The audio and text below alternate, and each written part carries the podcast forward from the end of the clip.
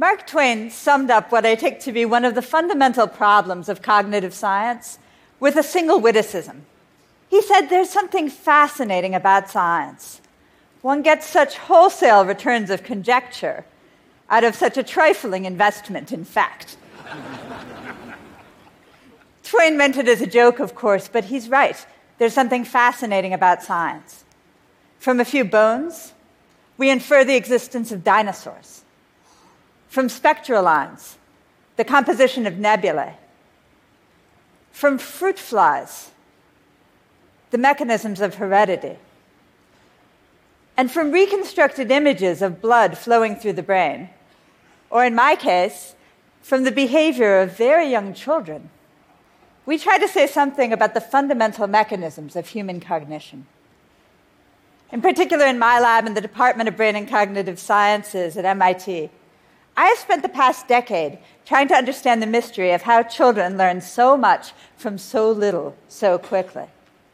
Because it turns out that the fascinating thing about science is also a fascinating thing about children, which, to put a gentler spin on Mark Twain, is precisely their ability to draw rich, abstract inferences rapidly and accurately from sparse, noisy data.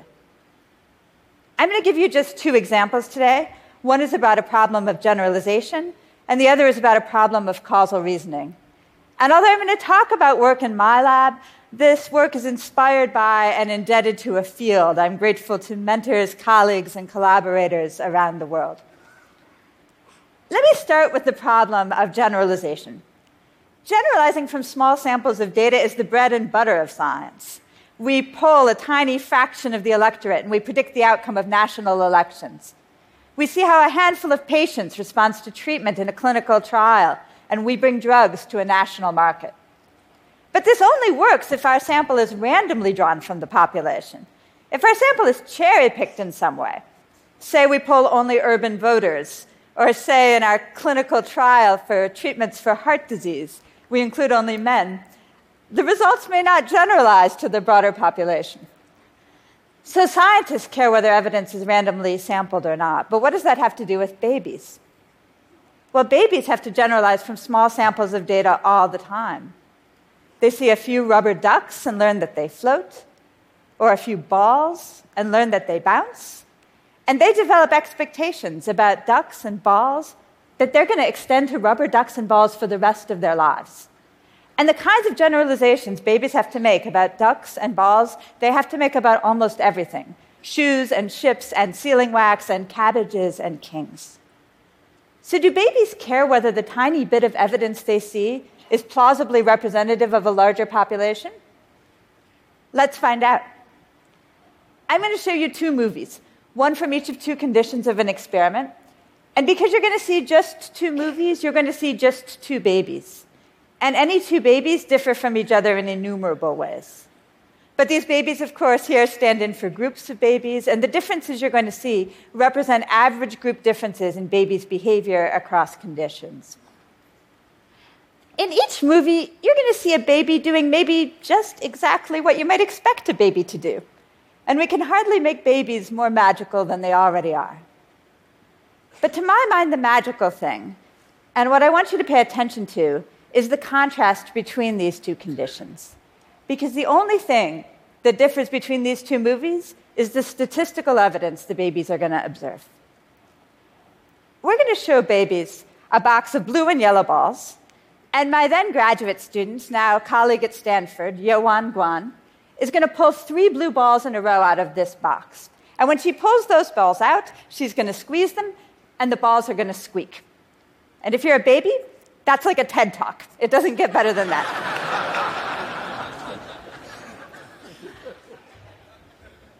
but the important point is it's really easy to pull three blue balls in a row out of a box of mostly blue balls. You could do that with your eyes closed. It's plausibly a random sample from this population. And if you can reach into a box at random and pull out things that squeak, then maybe everything in the box squeaks. So maybe babies should expect those yellow balls to squeak as well. Now, those yellow balls have funny sticks on the end, so babies could do other things with them if they wanted to. They could pound them or whack them. But let's see what the baby does. See this? Did you see that? Cool. See this one? Wow. Told you. See this one? Hey, Clara. This one's for you. You can go ahead and play.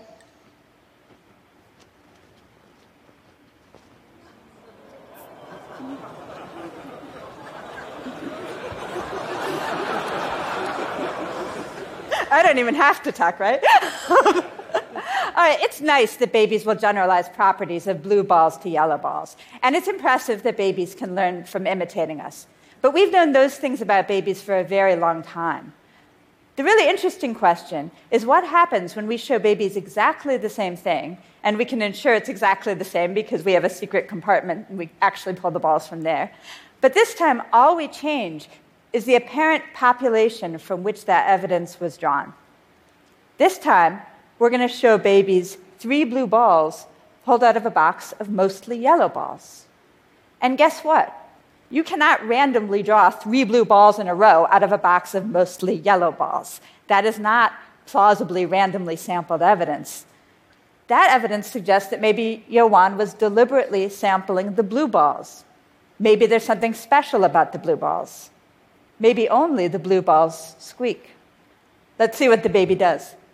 See this?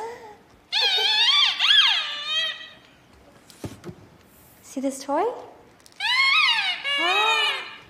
That was cool. See? Now this one's for you to play. You can go ahead and play, Evie.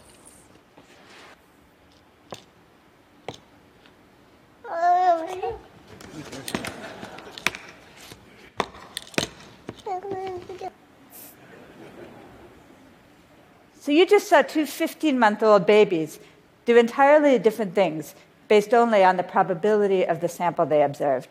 Let me show you the experimental results. On the vertical axis, you'll see the percentage of babies who squeeze the ball in each condition. And as you'll see, babies are much more likely to generalize the evidence when it's plausibly representative of the population than when the evidence is clearly cherry picked. And this leads to a fun prediction. Suppose you pulled just one blue ball out of the mostly yellow box. Now, you can't pull three blue balls in a row at random out of a yellow box, but you could randomly sample just one blue ball. That's not an improbable sample. And if you can reach into a box at random and pull out something that squeaks, maybe everything in the box squeaks. So even though babies are going to see much less evidence for squeaking and have many fewer actions to imitate in this one ball condition than in the condition you just saw, we predicted that babies themselves would squeeze more. And that's exactly what we found. So, 15 month old babies, in this respect, like scientists, care whether evidence is randomly sampled or not, and they use this to develop expectations about the world what squeaks and what doesn't, what to explore and what to ignore. Let me show you another example now, this time about a problem of causal reasoning. And it starts with a problem of confounded evidence that all of us have, which is that we are part of the world.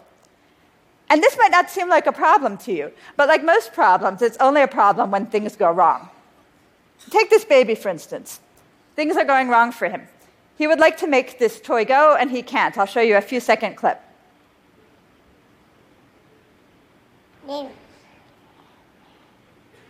And there's two possibilities broadly. Maybe he's doing something wrong, or maybe there's something wrong with the toy. So, in this next experiment, we're going to give babies just a tiny bit of statistical data supporting one hypothesis over the other, and we're going to see if babies can use that to make different decisions about what to do. Here's the setup Hyowon is going to try to make the toy go and succeed. I'm then going to try twice and fail both times. And then Hyowon is going to try again and succeed. And this roughly sums up my relationship to my graduate students in technology across the board. But the important point here is it provides a little bit of evidence that the problem isn't with the toy, it's with the person. Some people can make this toy go, and some can't. Now, when the baby gets the toy, he's going to have a choice. His mom is right there, so he can go ahead and hand off the toy and change the person. But there's also going to be another toy at the end of that cloth, and he can pull the cloth towards him and change the toy. So let's see what the baby does. Two, three, go! One, two, three, go! Arthur, I'm going to try again. One, two, three, go! Arthur, let me try again, okay? One, two, three, go! Look at that! Remember these toys? See these toys? Yeah. I'm gonna put this one over here, and I'm gonna give this one to you. You can go ahead and play.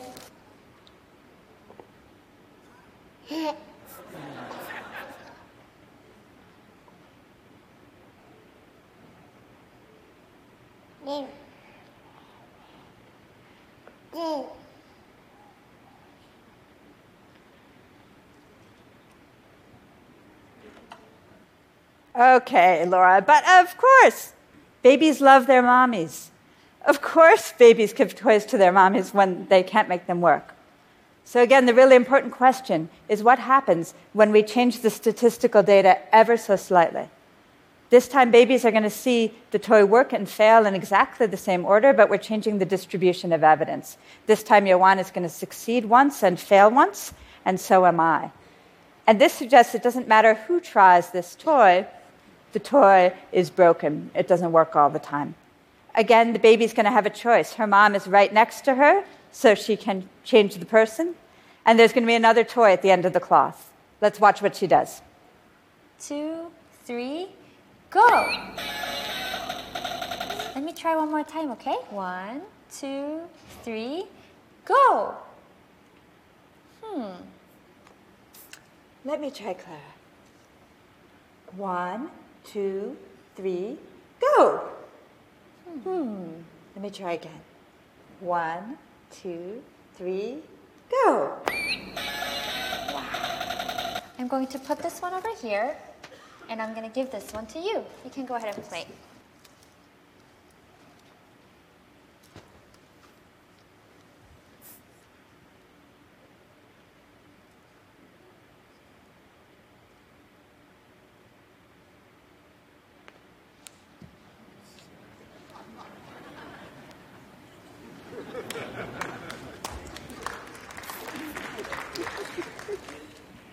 Let me show you the experimental results.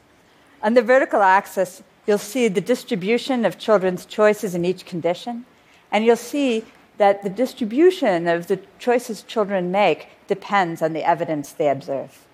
So, in the second year of life, babies can use a tiny bit of statistical data to decide between two fundamentally different strategies for acting on the world asking for help and exploring. I've just shown you two laboratory experiments out of literally hundreds in the field that make similar points. Because the really critical point is that children's ability to make rich inferences from sparse data underlies all the species specific cultural learning that we do. Children learn about new tools from just a few examples. They learn new causal relationships from just a few examples. They even learn new words, in this case, in American Sign Language. I want to close with just two points. If you've been following my world, the field of brain and cognitive sciences, for the past few years, three big ideas will have come to your attention. The first is that this is the era of the brain. And indeed, there have been staggering discoveries in neuroscience, localizing functionally specialized regions of cortex, turning mouse brains transparent, activating neurons with light. A second big idea is that this is the era of big data and machine learning. And machine learning promises to revolutionize our understanding of everything from social networks to epidemiology. And maybe, as it tackles problems of scene understanding and natural language processing, to tell us something about human cognition. And the final big idea you'll have heard is that maybe it's a good idea we're going to know so much about brains and have so much access to big data because left to our own devices, humans are fallible, We take shortcuts, we err, we make mistakes, we're biased, and in innumerable ways, we get the world wrong. I think these are all important stories, and they have a lot to tell us about what it means to be human. But I want you to note that today I told you a very different story. It's a story about minds and not brains.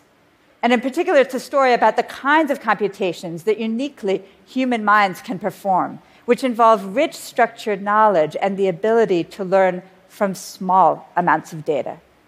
The evidence of just a few examples. And fundamentally, it's a story about how starting as very small children and continuing out all the way to the greatest accomplishments of our culture we get the world right. Folks, human minds do not only learn from small amounts of data. Human minds think of altogether new ideas. Human minds generate research and discovery. And human minds generate art and literature and poetry and theater. And human minds take care of other humans our old, our young, our sick. We even heal them. In the years to come, we're going to see technological innovations beyond anything I can even envision. But we are very unlikely to see anything even approximating the computational power of a human child in my lifetime or in yours. If we invest in these most powerful learners and their development, in babies and children, and mothers and fathers and caregivers and teachers, the ways we invest in our other most powerful and elegant forms of technology, engineering, and design. We will not just be dreaming of a better future, we will be planning for one. Thank you very much.